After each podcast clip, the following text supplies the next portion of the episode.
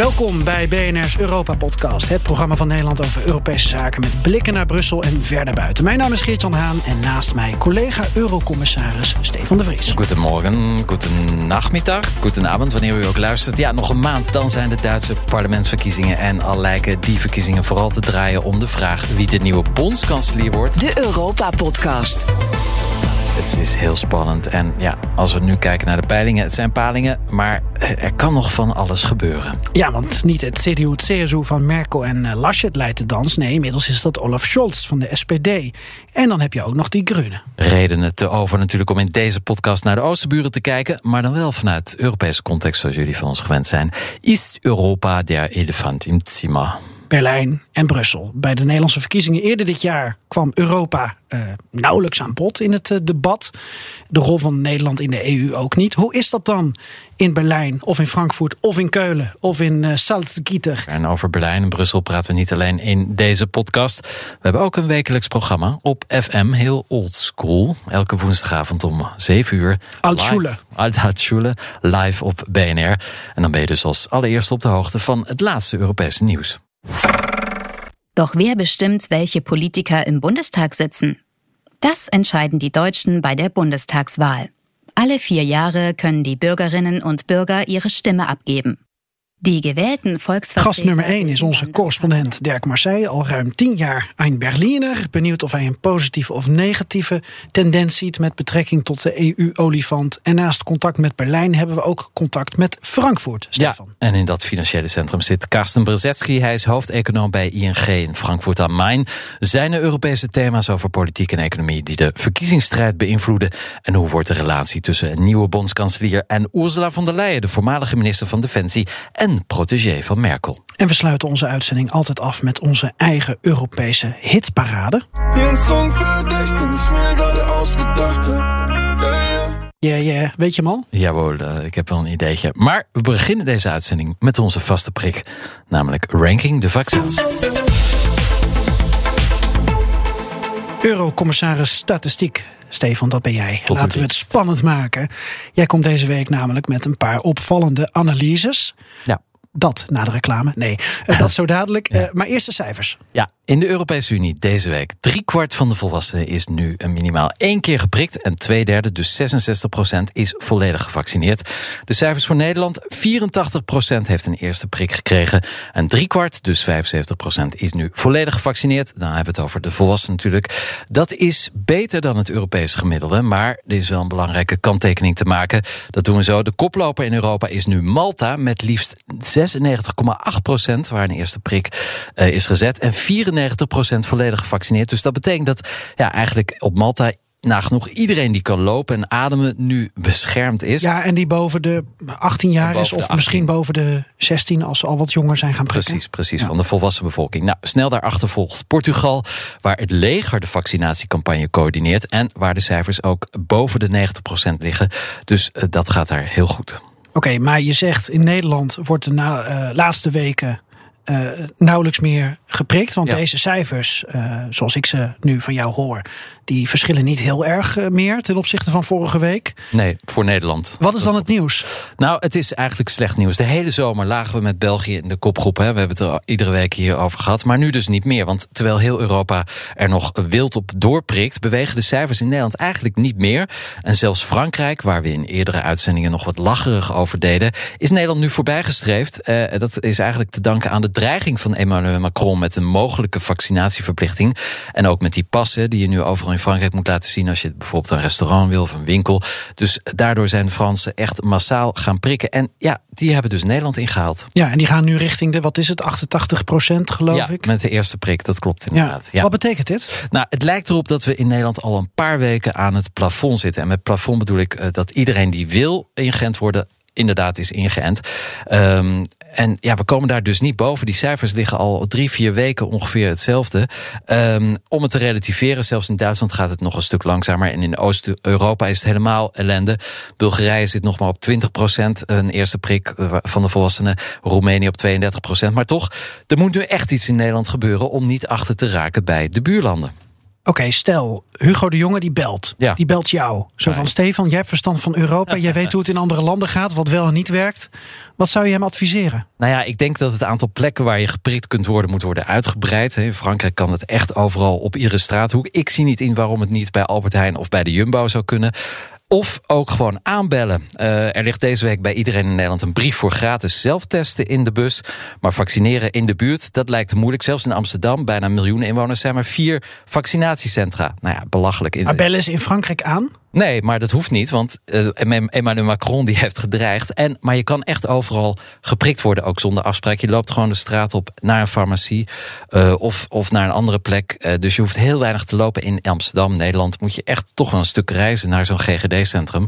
Waarvan er nu ook al een aantal gesloten is, om, omdat er te weinig mensen komen. Dus ja, om toch boven die 85%, boven de 95% misschien uit te komen, dan moeten we misschien, ja, dat zou ik Hugo de Jonge willen adviseren, net zoals in Frankrijk, overal kunnen laten vaccineren. En betekent dit dat na 25 afleveringen Ranking the Vaccins ook ter ziele is? Ja, het zou zomaar kunnen. Misschien kunnen we het weer nieuw leven inblazen als, als we de derde prik gaan krijgen. Maar ik, ik denk dat, we, dat er nu heel weinig meer beweging zit. Behalve natuurlijk in Oost-Europa. Maar in West-Europa zitten we echt wel aan eh, het plafond.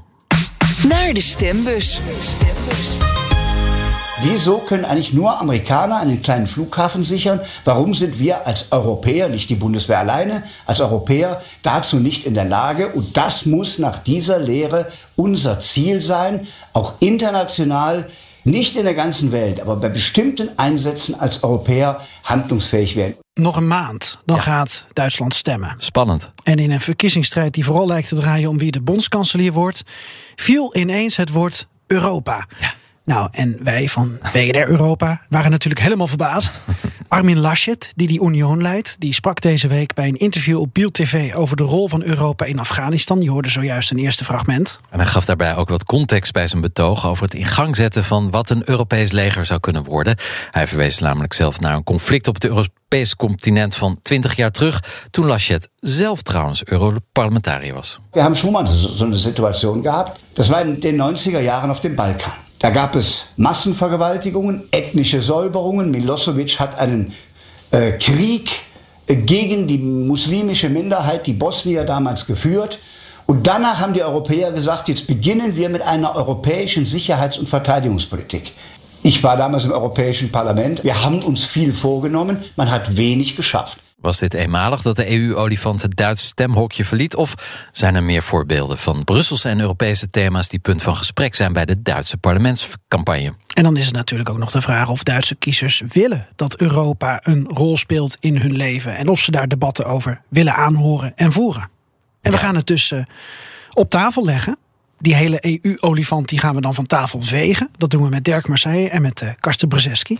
En dan hebben we het over vier thema's. Eh, wat wordt er eigenlijk eh, besproken als het over Europa gaat? Zijn er onderwerpen die de partijen van elkaar wezenlijk onderscheiden? En eh, kunnen die nog worden ingebracht om die verschillen te benadrukken? Ja, en in de langere podcast-uitzending vragen we ons af: vindt Duitsland het eigenlijk wel belangrijk om een prominente plek te hebben in de EU? En naast welke kandidaat bondskanselier zou Ursula von der Leyen zich het meest op haar gemak voelen? Ja, maar allereerst eh, Dirk Marseille, onze man in Berlijn. Hoe spannend wordt het? Wat zeggen de laatste peiling? Goedenavond, Dirk. Ja, goedenavond, Stefan en Geert-Jan. Ja, wat, wat, wat, eh, wat zeggen de laatste peilingen? Wat heb, wat heb jij voor ons eh, als informatie? Ja, zoals jullie al zeiden in eh, de introductie eh, is er eh, dinsdag een peiling uitgekomen, uitgevoerd door Forza in opdracht van NTV en RTL, twee mediazenders in Duitsland.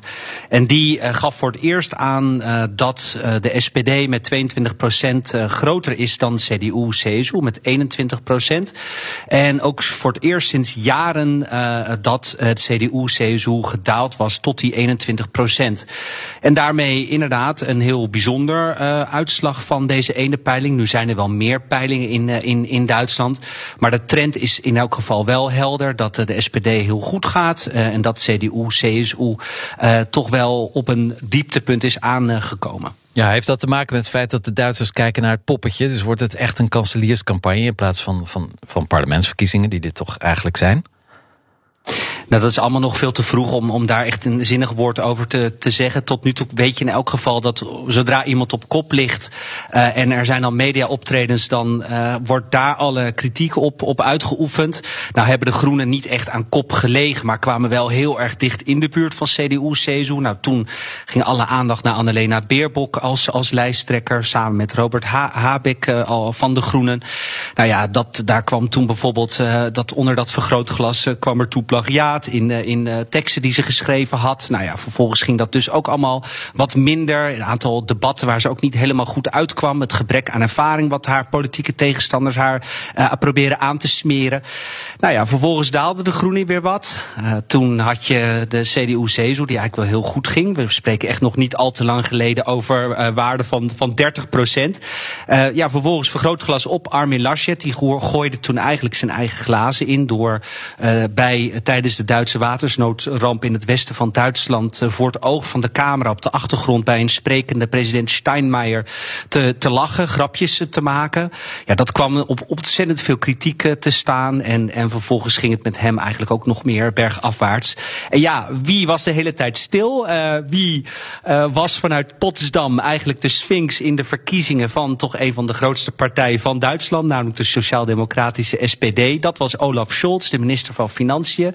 Ja, en die profiteerde van al die andere uh, negatieve aandacht voor de mensen die in de spotlight stonden. Ja. En hij gaat dus nu voorlopig aan de leiding. Maar het is nog heel vroeg, hè? 26 september verkiezingen. Nou, dus. Dat is al snel. Vier weken, vijf weken, toch? Je, je, je vindt nou, er kan nog heel veel gebeuren. Kan in politiek Ja, ja, zeker. inderdaad. Dan gaan we even kijken naar de inhoud en doen met Karsten Brzeski van ING. Die zit in Frankfurt. Karsten, um, heb jij veel Europese thema's zien langskomen in de, Euro in de Duitse uh, verkiezingscampagne? Nou, heel eerlijk, in de debat niet. Um, nee. Als je kijkt naar de verkiezingsprogramma's van de verschillende partijen, dan zie je het wel terugkomen. Ik heb nog een keer geteld, ik moest alles lezen. Dus dan zit je zo tussen vijf en tien pagina's op een totaal van 60 tot 135 pagina's. Dus is al, elke partij heeft een Europees hoofdstuk. Maar in de debat op dit moment, zoals Dirk ook al zei, het gaat toch meer over de poppetjes. Het is eigenlijk de, de saaiste campagne voor mij in, in decennia. En iedereen dacht eigenlijk, dit is de eerste campagne zonder een zittende bondskanselier. Dus eigenlijk, dat was de, de richtingswaal. Dus hier heb je eigenlijk een kans om, om profiel te winnen. Maar geen enkel partij durft eigenlijk met, met een scherp profiel in, in de verkiezingscampagne te gaan. En Europa speelt echt alleen um, in de programma's, maar niet in het debat. Nou, nou wordt hij mooi. Nou zitten wij hier met z'n tweeën heel enthousiast de, de Duitse verkiezingen uh, voor te beschouwen. En we hebben twee gasten die allebei zeggen: het is hartstikke saai. Nee, dat heb ik helemaal niet. Oh, ho, wacht even. Nee, kijk, kijk, er is een hele logische verklaring uh, waarom uh, het om de poppetjes kan gaan en niet per se om, om een scherp profiel. Uh, dat is namelijk omdat al die lijsttrekkers die het nu gaan doen, ook intern in hun partijen, of na een lange interne strijd of door verdeelde geledingen, heel veel moeite hebben moeten doen om überhaupt ja, de, de lijsttrekker te zijn. En dan krijg je gewoon een, een behoudende campagne. Elke partij doet eigenlijk heel defensief, omdat ze weten dat als ze al te gepeperde uitspraken doen, dat er dan meteen in hun eigen partij hommeles uitbreekt. En dat maakt het natuurlijk dan ook heel moeilijk in tegenstelling tot bij vorige verkiezingen toen Merkel gewoon de rij gesloten uh, hield uh, en, en, en daarmee uh, ook makkelijker de, de boer op kon. dat is nu gewoon anders. En als je in die partijen echter kijkt en je spreekt met mensen in die partijen, nou reken maar dat daar genoeg spannende dingen gebeuren. Alleen dat ziet gewoon veel minder, ook dat komt veel minder terug in het, in, in, in het debat. En daarom ben ik wel heel blij dat wij daar in elk geval aandacht voor kunnen geven. Want het is heel spannend, maar binnen in de partijen, niet zozeer in die campagnes. Nou, gaan we het toch over die olifant hebben, want dat is het dus. Um, misschien even kort uitleggen, Stefan, die EU-olifant. Dat ja. heeft uh, Arend-Jan Boekenstein volgens mij in de wereld gebracht. Ja, het was een Twitter-account tijdens de Nederlandse verkiezingen. En, en waarin aandacht gevraagd werd voor de Europese uh, Unie. En, ja. en dus hè, de olifant in de, in de Kamer waar niemand over durfde te praten. Dat was de EU. Redelijk succesvol uiteindelijk. Ja, die, dat Twitter ja want toen kwam er een debat dankzij dat marketingtrucje. Ja, zeker. Ja. En van een uh, eurofiel die toevallig in Parijs woont en die ik ken. Maar ik heb er verder niets mee te maken. Maar die EU-olifant, die zien we dus eigenlijk nu ook wel in de Deutsche Team. Toch, Dirk? Nou, zou je kunnen zeggen inderdaad dat, dat er dus te weinig over Europa wordt gesproken. Maar laten we eens een heel concreet voorbeeld nemen waar Karsten ook ontzettend veel over weet. Uh, Armin Laschet en zijn uitspraken over een transferunie, dus een bankenunie, waarbij schulden al veralgemeniseerd worden. Dat is typisch nou zo'n eh, heet hangijzer waar eigenlijk Armin Laschet tot nu toe uh, over de kaarten tegen de borst heeft gehouden. Maar van, gezien zijn achtergrond, spraken jullie ook al eventjes aan, zijn Europarlementariër, heeft initiatieven genomen voor Frans-Duitse samenwerking. Daar heeft hij het ook steeds over. Um, natuurlijk steun vanuit Duitsland, zelfs van Merkel, uh, voor het uh, tegemoetkomen van uh, zuidelijke staten in Europa. Daar heeft hij tot nu toe nog niet echt iets over kunnen zeggen. Maar reken maar dat er intern binnen CDU-CSU naar gekeken wordt. Waarom kan hij daar nu niet iets over zeggen, over zijn Europese toekomstvisie. Omdat hij natuurlijk net pas een leidsstrijkerschapstrijd heeft gewonnen van Zeuder. En in het zuiden van Duitsland, conservatiever binnen de CSU, zijn ze daar veel minder mee bezig. Dus dat is nou typisch zo'n voorbeeld waarvan Laschet nu in de campagne daar niet zoveel over kan zeggen. Maar stel dat CDU-CSU toch de grootste wordt en hij wordt bondskanselier, dan wordt het nog heel erg spannend om te kijken of Duitsland toch stappen gaat zetten naar zo'n uh, bankenunie. En ik denk dat Karsten uh, daar ook wel vol spanning naar kijkt. Ja, want Karsten, waarin kan uh, Laschet zich dan, of laat ik het uh, partijbreed pakken, het CDU, het CSU zich dan onderscheiden van uh, SPD of die Groenen bijvoorbeeld op dit punt? Nou, weet je wat het is? Het is? In Duitsland gaat het eigenlijk niet over ben je voor of tegen Europa. Dan heb je eigenlijk alleen de AFD. Ja, die wil zelfs dat, Europa, dat Duitsland uit de, uit de Europese Unie stapt. Maar, maar alle andere partijen zijn pro-Europees. Alleen ze onderscheiden zich als het gaat over meer of minder integratie. En, um, en dat is op, op economisch gebied is inderdaad het grote hangijzer van um, willen wij als Duitsland dat bijvoorbeeld het, uh, het, het herstelfonds van nu, het corona-herstelfonds, dat dat een permanent instrument wordt um, van het uh, budgetair beleid in Europa, in de monetaire unie. Dus willen wij dat in feite ook Duitsland, de rijke landen, regelmatig um, gewoon geld overmaken naar het zuiden. En daar staat dan tegenover structurele hervormingen. Nou, dat is een discussie die, die kent Stefan ook al, die, die, die speelt al tien of twintig ja, jaar. Ja. Um, en uh, bij Laschet is het zo. Laschet heeft eigenlijk met zijn partij, de partij, de CDU, staat voor de zwarte nul. Um, dus een, een, evenwichtige begroting, bezuinigingen. Dat is eigenlijk het, het de laatste kaart die de, het CDU nog kan spelen om gewoon echt kiezers binnen te halen. De CDU staat voor verantwoord budgetair beleid. En vandaar is het voor Laschet heel moeilijk om te zeggen, nou, ik wil wel dat het herstelfonds permanent wordt. Want ook als je naar het verkiezingsprogramma kijkt van het CDU, dan zie je eigenlijk dat willen ze helemaal niet. Zij willen zelfs dat uh, de, de regels van het stabiliteitspact ook niet worden veranderd, um, maar dat die strikt daar worden toegepast. En, en, en hier is gewoon, hier heb je de grote scheidingslijn. De Groenen willen wel meer integratie, een permanent Europees herstelfonds. De CDU, FDP wil dat definitief niet. De SPD houdt het enigszins in het midden. Maar ik heb het idee dat alle vier partijen eigenlijk denken: wij kunnen geen potentiële kiezers van de andere partij overhalen. Um, wij kunnen eigenlijk alleen ons eigen achterban mobiliseren. En vandaar gaan ze hier niet verder op in. Nou, op, op, economisch beleid heb je die andere discussie: moet Duitsland meer investeren? Daar zijn ze het allemaal mee eens.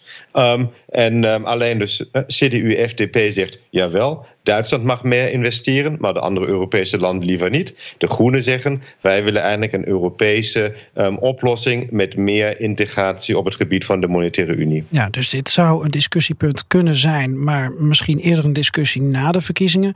Stefan, heb jij eigenlijk gezien uh, welke thema's het debat domineren en of daar thema's tussen zitten die Europa of Brussel misschien raken? Nou ja, we, we hebben even de verkiezingsprogramma's uh, doorgespit. Um, en er worden heel veel dingen juist niet benoemd eigenlijk. Bijvoorbeeld Nord Stream 2, hè, daar hebben we het ook al hier in BNR Europa een paar keer over gehad. Uh, toch een Europees heet hangijzer, in ieder geval uh, tussen Duitsland en Nederland en de rest van Europa. Uh, komt eigenlijk niet aan bod bij het CDU-CSU, maar wel bij de Groenen. Um, omdat ja, de Groenen zijn tegen toenadering tot Rusland, maar dan zie je ook dat het al wringt. Hè. Um, SPD neemt eigenlijk hetzelfde standpunt in als, als CDU. Weet je wat ik interessant vond? Nou? Um, uitbreidingspolitiek. Ja. Ja, dat is natuurlijk dat, ook. Ja. Dat is niet iets dat dan in die debatten naar voren komt. Nee. En misschien is dat een punt uh, dat dus eigenlijk bij heel veel Duitsers dan ook uh, geen issue is. Ja. Maar ik zag dus, SPD heeft in het verkiezingsprogramma staan één zinnetje, namelijk integreren. De westelijke Balkan Ja. moet integreren. Dus we hebben het over, moet de EU groter worden of niet? Nou, Ja. de SPD heeft er één zin over. Andere twee partijen die zeggen iets uitgebreider eh, daar iets over. Namelijk het CDU zegt, ja, de westelijke Balkan moet sterker worden. Maar pas als ze aan alle voorwaarden voldoen, mogen ze bij onze club horen. Nou, dat is interessant, hè, want dan zie je, dit zijn dus nationale standpunten. Maar als je kijkt naar Europa, dan zeggen Nederland en Frankrijk met name heel duidelijk: nee, geen uitbreiding en niet, niet Ja. met de Balkan. Ja. Dus ja. Maar Duitsland zit er op de achtergrond wel een beetje volgens mij tegenaan te, te duwen, Duwen, ook. En, eh, het CDU, SPD zitten niet voor niks nu ook eh, Mhm. eh, in de coalitie. En de Groenen die vinden daarentegen dat die westelijke Balkan zo snel mogelijk lid moet worden. Omdat je ze dan pas in de Europese invloedssfeer krijgt. Ja. En je makkelijke afstand van Russische of Chinese druk van buitenaf kunt nemen. Dus ik vind dat interessant. Alleen, eh, Karsten, jij zegt dus eigenlijk ook dat dit soort eh, wezenlijke discussies, dat is echt blijkbaar voor de fijnproever en niet voor de ja, gemiddelde eh, Duitser. Jurgen met de pet. dus het is niet voor Jurgen met de pet. Ehm, want we hadden ook nog geen enkel debat. Hè. Jullie, jullie lieten gewoon die, eh, die, die ehm, stemmen horen van, eh, van, van Lasset bij, bij Bild TV ja, afge- afgelopen zondag. Ook dat was geen debat. Dat was gewoon anderhalf uur naar Lasset luisteren en dan nog een keertje anderhalf uur naar Olaf eh, Scholz Ja, luisteren. dat zag er heel raar ook uit, inderdaad, als Ja. je dat terugziet. Ja. Het vroeg ook heel veel volhoudingsvermogen van analisten die daar gewoon de hele avond naar hebben gekeken. Ehm, dus wat je, en, en de, de echte debatten komen nu nog pas. De, de, de komende vier, vier weken. Wat belangrijk is, is ehm, zijn voor mij ook de ehm, mensen die via, via brieven gaan stemmen. Dit waren vier jaar geleden al bijna 30 procent. Nou, ga er maar vanuit dat het dit jaar nog veel meer gaan worden. Dat betekent dat die ook stemmen worden uitgebracht zonder iets te hebben gehoord over Europa. Ik, ik zou zelfs zo stellig willen zijn om te denken dat Europa speelt nu geen rol. En Europa is eigenlijk het eerste onderwerp wat in coalitieonderhandelingen um, overboord wordt gegooid. Want ik denk dat um, alle partijen die in aanmerking komen voor een coalitie zo blij zullen zijn om in een regering te komen, dat gewoon binnenlands Um, heel veel moet worden gedaan. Investeringen, investeringen in digitalisering, onderwijs, klimaatverandering. En ik denk dat gewoon de, de grote controversiële Europese thema's dan ergens in een, in een hoek worden geschoven, een compromis wordt gevonden. Maar ik kan me bijvoorbeeld niet voorstellen dat de Groenen niet in een coalitie stappen met een CDU, als het mogelijk is. Um, en, en dan gewoon het eigenlijk gewoon als, uh, um, als, als eisen stellen dat bijvoorbeeld het herstelfonds permanent moet worden gedaan. Ja, hoe dan dus ook. dat zullen ze overboord gooien. Uh, heel spannend. BNR Nieuwsradio. De Europa-podcast. Geert-Jan Haan en Stefan de Vries. Karsten, ik heb toch nog een vraag voor je, ook vanuit een, een luisteraar. Want hij vroeg zich af: is Karsten nou Nederlander? Is hij nou Duitser? Of uh, is hij, Of Pool vanwege je achternaam? Hoe zit dat nou? Hij is gewoon Europeaan. Heel goed, Stefan. Uh, nee, hij is, hij is natuurlijk wel Europeaan, maar hij is, heeft alleen maar één Duits paspoort. En uh, hij heeft ooit in Nederland gewoond, heel lang in Brussel. En nu sinds uh, zeven jaar in Frankfurt. En je hebt een Nederlandse vrouw. En ik heb een Nederlandse vrouw, precies. Ja. Een oud Europarlementariër. en dat maakt het zo oh, fascinerend. Het wordt bijna een roddelrubriek. Ja, maar dat vind ik zo leuk. Want het is natuurlijk heel interessant om te weten dat, dat Karsten uh, verstand heeft van economie, maar ook ja. van politiek, maar het ook van binnenuit ja. kent en weet hoe het gaat. En uh, ja, Duitsland wordt vaak gekoppeld aan realpolitiek. Nou ja, uh, Karsten, jij weet wat realistisch is en wat niet. En dat vind ik zo interessant. Ja, dankjewel. Ja. Nee, dat, dat, dat klopt. Um, dus ik, kijk, dit fijne is, ik, toen ik hier zeven jaar geleden naartoe kwam, toen kijk ik heel eventjes met andere ogen op mijn eigen land. Um, dus met, uh, met heel veel verbazing. Um, in, um, in, inmiddels ben je toch weer gewend aan, aan heel veel dingen, maar zie je toch, en dat vind ik het meest opvallende, dat Duitsland nog steeds moeite heeft om buiten de landsgrenzen te kijken. Uh, behalve als het gaat over vakantie en exporten. Uh, maar je hoort ook in, in gesprekken met politici altijd heel weinig over wat kan Duitsland nu eigenlijk leren. Ja. Van andere Europese landen. En dat is eigenlijk een beetje jammer. Zeg nog één vraag over jou, uh, jouw vrouw, als mag. Uh, niet over je zwager, want uh, dat is ook een uh, politicus, oud-Kamerlid voor de SP in Nederland. Maar jouw vrouw, Judith Merkies, zij is van de Partij van de Arbeid. Hoe kijkt zij eigenlijk naar de opleving van de SPD in Duitsland? Want de sociaaldemocratie was toch dood in Europa? Nou, die was ook in uh, Duitsland redelijk dood. Als je kijkt naar de, naar de peilingen van de afgelopen jaren. Um, dus de, de, SPD was eigenlijk aan het verdwijnen. En die, uh, ja, die, die opleving van de sociaaldemocratie, die, die komt, en dat is best interessant, omdat zij ja, een spitsenkandidaat, Olaf Scholz, hebben. Die uh, eigenlijk heel, ja, die komt heel serieus over. Die hoort eigenlijk bij het meer conservatieve gedeelte van, van de SPD. En uh, wat zij ook hebben gedaan, zij hebben namelijk twee partijvoorzitters die eigenlijk meer staan voor een heel links beleid. Um, meer richting eigenlijk ook die, die linker gaande. En die eigenlijk ook heel veel in contact wilden komen met die linker. Maar van deze twee voorzitters hoor je eigenlijk helemaal niks meer. Uh, het lijkt alsof ze ergens in de kelder zijn opgesloten, om, omdat de SPD bang is, gewoon die, die, die rugwind nu te, weer te verliezen. Dus ik zat te denken, misschien moet je het vergelijken met een, een, een PVDA in, in Nederland, waar um, misschien uh, ja, met een partijvoorzitter Spekman en een, uh, en een spitsenkandidaat Wouter Bos. En uh, op een gegeven moment is dan die partijvoorzitter ook in de kelder opgesloten, omdat de spitsenkandidaat het heel goed doet in de peilingen. Ja, la laten we even uitzoomen. Bij jullie aan de eettafel. Even uit de kelder. Uit de kelder, maar ook vanaf uit het, uit het, het familiegebeuren van Karsten. even uitzoomen. Bij jullie gaat het vaak over Europa thuis, neem ik aan. Maar als we nou eens kijken naar de kiezer, de Duitse kiezers. Praten zij graag over Europa? Vinden zij de Unie belangrijk? Is het een onderwerp, een thema uh, buiten jouw jou, jou, jouw eigen omgeving? Karsten, wat is jouw beeld? Nee, want de Duitser aan zich is eigenlijk best regionaal. En uh, het interessante is, je, je hoeft een Duitser en ook een Duitse politicus nooit te vragen: ben je nu voor of tegen Europa? Dit speelt je niet, behalve bij de AFD. Um, dus Europa hoort er gewoon bij. Ja. Um, maar maar in, in dat debat nu, als je kijkt, nou, wat betekenen deze verkiezingen, een nieuwe regering voor Duitsland en wat zou dat betekenen voor Europa, speelt het eigenlijk helemaal niet meer. Um, kijk, vier, acht jaar geleden, toen hadden we nog veel meer eurocrisis. Dan ging het wel een beetje over Griekenland, over, over Europa, Brexit. Maar op dit moment gaat het eigenlijk vooral over Duitsland zelf. Het gaat over hoe gaat Duitsland het doen met de klimaatverandering. Hoe gaat Duitsland het eindelijk aanpakken om die enorme achterstand op het gebied van digitalisering. Wat nu ook de afgelopen anderhalf jaar door corona heel duidelijk werd, om dat in te halen. Uh, op het gebied van onderwijs. En daar denkt eigenlijk niemand aan een misschien Europese oplossing. Maar het gaat vooral over wat, wat gaat de volgende regering voor Duitsland doen. Ik denk dat je eigenlijk ook bijna alle verkiezingsprogramma's kunt samenvatten. Um, of het nu links of rechts is. Vooral als uh, Germany first, uh, Europe second. Ja, dus zo, zo lees je eigenlijk bijna alle verkiezingsprogramma's. Dirk, ja. jij hebt uh, een aantal van die verkiezingsprogramma's uh, bekeken. Het woord Europa, nou, uh, Karsten zei het al, kun je turven.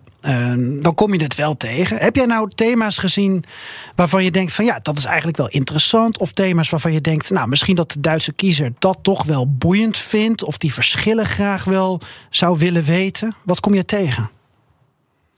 Tot nu toe is het heel weinig dus over Europa gegaan in die verkiezingsdebatten. En uh, je komt wel heel veel Europa tegen in die partijprogramma's. Uh, als je kijkt naar de CDU-CSU-partijprogramma, uh, gaat het de eerste 35 van de 140 pagina's over Duitsland en zijn rol in de wereld. dus kwart. ook in Europa. Precies, alleen inhakend op wat Karsten net zegt. vervolgens moet er een coalitie gesmeed worden. Uh, dan moeten al die partijen het dus eens met elkaar worden. Uh, ze zijn allemaal intern enorm verdeeld. Ze hebben ternauwernood die lijsttrekkers kunnen kiezen. En, die moeten ook altijd maar weer achterom kijken van... hou ik alle geledingen wel, wel bij elkaar? Dus er gaat een coalitieakkoord uitkomen... waarin iedereen wel ongeveer mee, mee kan leven... maar met weinig visie en echt heftige punten daar, daar ook in. Ook als het om Europa gaat. En dan moet je vervolgens natuurlijk kijken... wat uh, gaat de politiek nu doen om die Duitse samenleving uh, aan de haren uit het, uit het moeras te, te trekken. Want uh, wat Karsten zegt, kijk naar die industrie, kijk naar het gebrek aan digitalisering. Um, de industrie die, die, ja, die heeft het zelf ook ontzettend moeilijk en gaat het ook alleen nog maar moeilijker krijgen de komende jaren. En de, de industrie is er niet voor de politiek. De politiek en de industrie samen zijn in Duitsland, zeker als industrieland, gelijkwaardige partners. En houden ook via allerlei gremia heel nauw contact met elkaar. En het laatste waar ook nu de industrie op zit te wachten. Nou, dat is altijd zo natuurlijk, zijn natuurlijk meer regels vanuit Brussel. Nee, die willen gewoon dat Duitsland nu zelf een een regering krijgt die structurele eh, thema's waarin te weinig geïnvesteerd is de afgelopen 16 jaar onder Merkel, uh, dat die nu wel worden, worden aangepakt. Nou, dan, dan zijn natuurlijk hypewords of buzzwords zoals uh, klimaat en digitalisering, die gaan daarin leidend zijn. En daar kan je dan ook Europa in terugzien. CDU-CSU zegt bijvoorbeeld over de Green Deal, die steunen we. Maar, en daar zie je weer dat, hè, dat, dat altijd dat conflict wel met overgangsprogramma's om banen te, te behouden. Het klinkt als de, de VVD in Nederland. Ja, uh, zeker. En, en de SPD die zegt uh, Europa moet wereldwijd voortrekker zijn in klimaatbescherming.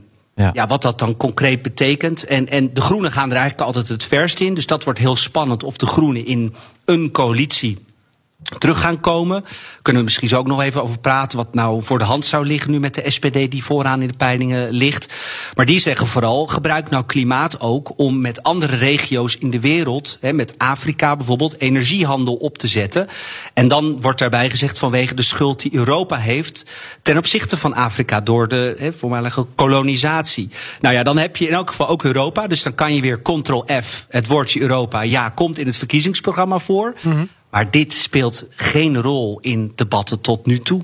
Ja, jij Geert-Jan, je bent met een, uh, een stofkam door die verkiezingsprogramma's gegaan, toch? Wat, eh, zijn er nog een paar dingetjes die je opvielen in de verschillende programma's? Nou, we hadden het al over Nord Stream, we hadden het al over de Balkan. Nou, ik vind die relatie met Rusland sowieso interessant, omdat uh, in al die analyses wordt in ieder geval geschreven dat het buitenlandthema voor Duitsland, het hoofdpijndossier voor welke kanselier dan ook, dat is Rusland. Omdat Rusland natuurlijk uh, wat lastig is op allerlei terreinen. en Duitsland juist uh, toenadering wil. Eigenlijk zeggen bijna alle partijen willen toenadering, alleen de Groenen niet. Nee. En dat vind ik dus fascinerend. En dat is misschien ook waar Dirk uh, al op voorsorteert. Als je dus een, niet zozeer de kanselierskwestie, maar als je een coalitie kan gaan vormen. Stel dat de SPD de grootste wordt.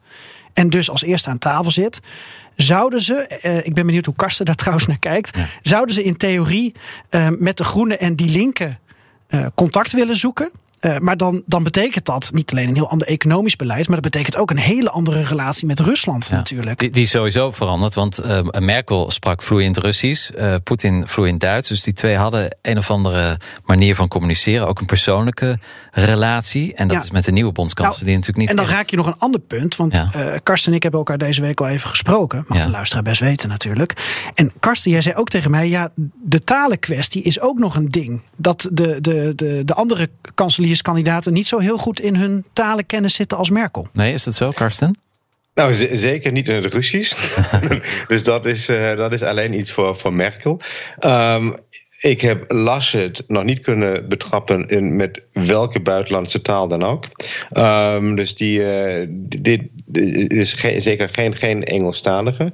Um, Annalena Baerbock is er iets beter. Scholz is er ook iets beter. Maar dat speelt natuurlijk wel een belangrijke rol uh, ook richting Europa. Ja, hoe, hoe, moeten we ons dat nu voorstellen? De volgende bondskanselier of de volgende ministers uh, in Europa. En ik denk toch, um, kijk, Duitsers of Duitse politici zijn vaak niet zo taalvaardig. En, uh, maar ik denk dat het nu een nieuwe generatie is. En uh, en daar moet je eigenlijk toch bijna vloeiend zijn om ook gewoon, of het nu in de wandelgangen is, of in ieder geval in een eurogroep, in een, in een ECOFIN, in een Europese um, raad, om, om daar wel gewoon ook echt met mensen te kunnen communiceren. Niet alleen maar via de talks uh, die, die, die, achter, de, um, achter, in die, die, achter die schermen zitten.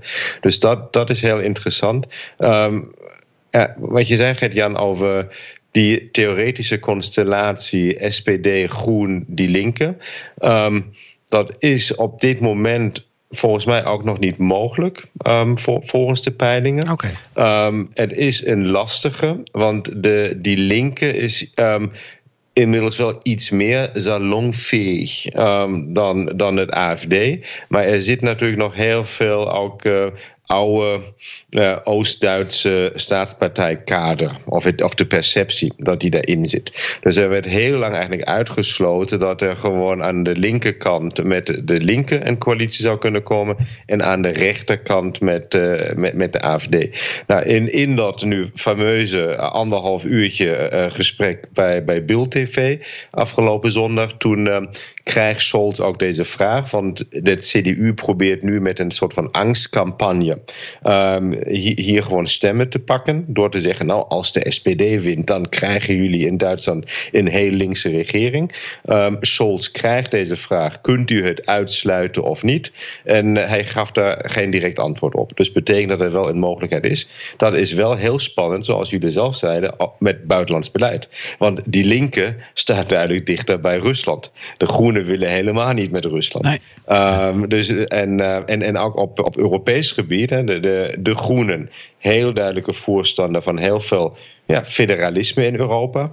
Veel meer integratie. De linken gewoon duidelijk terughoudender op, uh, op, op, op dit gebied. Dus ik denk eigenlijk ook, um, en dat is het weet je, wat uh, Dirk erover denkt als ik naar deze peilingen nu kijk, ook met het SPD als grootste, denk ik niet dat Scholz bondskanselier gaat worden. Waarom? Omdat de meest waarschijnlijke constellatie zou dan zijn uh, ja, SPD, um, um, Groen of de liberale FDP. Dit gaat niet werken. Want uh, Groen SPD, uh, en SPD staan eerder voor belastingverhogingen. FDP, liberaal, altijd voor belastingverlagingen. Um, en dan zit je heel makkelijk. En, en de FDP wil liever in een coalitie stappen met het CDU. Dus ik denk nog steeds dat de meest waarschijnlijke coalitie is gewoon CDU, Groen. En als een derde partij nodig is, dan is dat uh, de liberale FDP. Oké. Okay. Interessant. Interessante combinatie. Ja. Misschien ook voor Nederland wel. Durf nog geen flesje wijn hierop te nee, zetten. ik ook niet. Ja, ook geen Over wijn gesproken? Ja. Stefan? Jan, heb je dorst? Ja, jij uh, hebt natuurlijk heel lang in Frankrijk gezeten. Ja. Uh, hoe denk je dat Macron naar deze verkiezingen kijkt? Ja, dat is interessant. Uh, zeker gezien de peilingen denk ik dat hij een beetje aan het zweten is. Want ja, um, ja hij heeft natuurlijk in die, in die vier, vijf jaar dat hij nu president is, of vier jaar, uh, toch wel een goede band opgebouwd met Merkel. Het is hem gelukt om haar over te halen voor het Europese corona-herstelfonds. Um, er was wel een chemie tussen die twee. zeker in het begin werd hij echt onthaald als een soort van ja, de redder van Europa. Nou, dat heeft hij niet echt waargemaakt, Emmanuel Macron.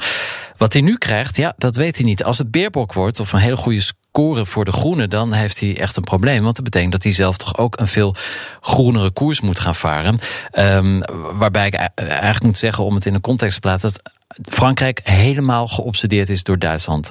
Uh, dat is echt. Uh, als het aan Frankrijk zou liggen, had de Europese Unie maar twee uh, leden, namelijk Frankrijk en Duitsland. En er is iets. er wordt gelachen. Ja, er wordt gelachen. Maar de, de Frans-Duitse vriendschap is een heel groot begrip in Frankrijk. En volgens mij is dat met name liefde vanuit de Franse kant. En dat de Duitsers veel minder daarmee bezig zijn. Maar goed, het is echt een obsessie.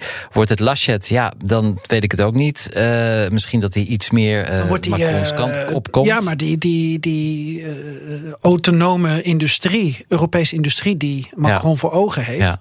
kan dat ook met Laschet, omdat Laschet natuurlijk nog steeds de industrie ook steunt. Uh, maar, natuurlijk Rusland maar, en China erbij zal betrekken. Ja, zeker. Maar concurreert natuurlijk ook met Frankrijk. En kijk, het grote probleem van Frankrijk, of de, de kracht van de Duitse economie, en dat geldt ook in mindere mate voor Nederland, is natuurlijk dat enorme, um, de grote uh, aanwezigheid van het midden- en kleinbedrijf, familiebedrijven, die heel uh, dynamisch zijn in, in Duitsland. En ook de kernvormen van de Duitse economie. Iets dat totaal ontbreekt in Frankrijk. Dus uh, Duitsland concurreert ook met Frankrijk. Um, uh, ik, ik, weet niet voor wie Macron een voorkeur zou, zou hebben. Lachette is misschien dan, ja, als die zwarte nul, waar Karsten het eerder over had, uh, hè, dat weer terugkomt in de, in, in, bij de CDU of bij de, bij de formatiebesprekingen, is natuurlijk heel slecht nieuws voor Frankrijk. Want ja, dat land houdt zich nooit aan, aan de Europese afspraken. Duitsland ook niet zo heel vaak trouwens. Maar, dus dat is slecht nieuws. Scholz, ik weet het niet. Sociaaldemocratie in Frankrijk is ook helemaal dood. Ja, maar Scholz is wel een vrij industrie georiënteerde sociaaldemocraat volgens mij. Ja, wat, wat vind jij, Karsten? Wat denk jij? Nou, het spannende is, um, Olaf Scholz zei op de vraag waar ging zijn eerste buitenlandse reis naartoe als hij bondskanselier zou zijn, die ging naar Parijs. Ja. Um, dus uh, hij probeert duidelijk even aan te sluiten aan die, aan die Duits-Franse as. Um, en ik denk inderdaad, ja, ik denk dat Macron waarschijnlijk op dit moment het meest zou uitkijken naar een bondskanselier Scholz. Eén, die kent hij natuurlijk. Um, uit, uit al die overleggen tussen Duitsland en Frankrijk, uh, omdat Scholz minister van Financiën is. Hij staat dus inderdaad ook voor een, in, in feite een voortzetting van, van het huidige beleid. Um, eh, spannend was ook op die vraag van, uh, dus uh, Annalena Baerbock krijgt deze vraag ook eerder, van waar zou de eerste buitenlandse reis naartoe gaan? Um, zij ging naar Brussel um, als, als eerste buitenlandse reis en, uh, en Armin Laschet, die kon geen antwoord erop geven. Um, want hij wist niet waar het buitenland lag. Nou. Kon hij niet aanwijzen op een kaart. Uh, maar je, je, hebt het over, je, je, hebt het over Brussel, eh, Karsten. Uh, hoe, denk je, hoe denken jullie, Karsten en, en Dirk, over de relatie tussen uh, een nieuwe bondskanselier, wie dat dan ook mogen worden, en de president van de Europese Commissie, Ursula von der Leyen, die trouwens min of meer naar voren werd geschoven door, ja, was, door Macron. En, een protégé van Merkel. Precies. Um, Zwakke die minister onder Merkel. Ja, en ook een manier van, van Macron om Frans Timmermans te ondermijnen. Maar goed, oh, ja. dat, is, dat is allemaal onder een brug. Maar hoe uh, zal de nieuwe bondskanselier omgaan met Ursula von der Leyen, de oude minister van Defensie van, van Duitsland? Zal die anders zijn dan, dan nu de relatie is? Dirk? Ik denk het heel eerlijk gezegd niet. Nee. Uh, volgens, mij, uh, volgens mij is de Duitse politiek en zeker die, die top daarvan kent iedereen elkaar gewoon ontzettend goed en vaak ook al heel erg lang. Dus je hebt hoogtepunten en dieptepunten met elkaar meegemaakt. Een schandaaltje zo hier en daar. Eigenlijk iedereen behalve Merkel is wel ergens gestruikeld over een schandaal. Ursula von der Leyen had in haar laatste fase hier in Duitsland ook nog te maken met een enorm geflopt defensieproject. Wat de Duitse overheid en de belastingbetaler miljarden kostte. Nou, uiteindelijk mocht zij toen, uh, toen voorzitter worden. Maar ik denk dat, dat, dat zij ook wel op dit moment in Duitsland staat zij gewoon ook wel te boek als iemand die het voor Duitsland gewoon goed doet. Goede uitstraling heeft naar buiten toe. Dat is natuurlijk ook ontzettend, ook ontzettend belangrijk. We hebben het over de verkiezingsstrijd. En eigenlijk peilingen zijn tot nu toe vaak het gevolg veranderingen daarin van of men in de openbaarheid, in de media, een blunder maakt of niet. Of het goed doet of, of, of niet. Bijna nooit eigenlijk gedreven door. Oké, er staat een visie in het partijprogramma. Mensen die kiezen daar heel erg bewust op. Uh, ik zie dat ook in de komende weken eigenlijk niet zo heel erg gebeuren. Dus je moet echt verder kijken dan, uh, dan, dan de media optredens. Maar ik weet niet hoeveel Duitsers dat gaan doen. Maar als het om Van der Leyen gaat, denk ik dat iedereen daar heel goed gewoon mee door één deur kan. En dat er niet echt potentiële conflicten in, in, in zitten. Karsten, hoe zie jij dat? Ja, ik denk vergelijkbaar. Kijk, spannend zou het worden als er een nieuwe Duitse regering kwam zonder het CDU ja. erin. Ja. Um, want dan denk ik krijg je wel een andere relatie, ook, ook, ook met Van der Leyen. Uh, als ik adviseur was van Van der Leyen, zou ik zeker zeggen: dan kijk, er komt nu een, een machtsvacuum. Um, dus probeer dat eventjes te gebruiken. Want duidelijk is dat zeer, zeer waarschijnlijk ook deze coalitieonderhandelingen in Duitsland een tijdje gaan duren. Uh, er zijn, uh, volgens mij maakte Merkel zelf al de grap uh, tijdens haar laatste um, kersttoespraak of oude nieuw toespraak, dat het nu eigenlijk wel de laatste was, maar misschien ook niet. Ik denk dat er eerlijk gezegd nog een kans is dat, dat, dat Merkel eind van dit jaar nog steeds bondskanselier is. Um, nou, daarmee heb je een machtsvacuum. Je, je, noemde al Macron, dan gaan we naar de Franse verkiezingen. Dus ja. eigenlijk heeft de Europese Commissie een machtsvacuum in Duitsland en Frankrijk, waarschijnlijk tot aan de zomer 2022. Betekent dat ze wel enorm kunnen pushen met uh, onderwerpen als een mogelijke hervorming van het stabiliteitspact. Ja. Um, ook meer kunnen pushen over, nou, moet dat uh, corona-herstelfonds permanent zijn? Um, daar, kan, daar kan je ook pushen. Ook eventjes te kijken over het, de Green Deal. Hoe doen de verschillende landen dat? Dus ik denk dat eigenlijk, uh, als ik ja, adviseur van Van der Leyen was, ik zou nu denken, nou, probeer nu even een beetje aan profiel te winnen. Uh, ook uh, ja, toch iets met de pushen, samenwerken met het Europees Parlement.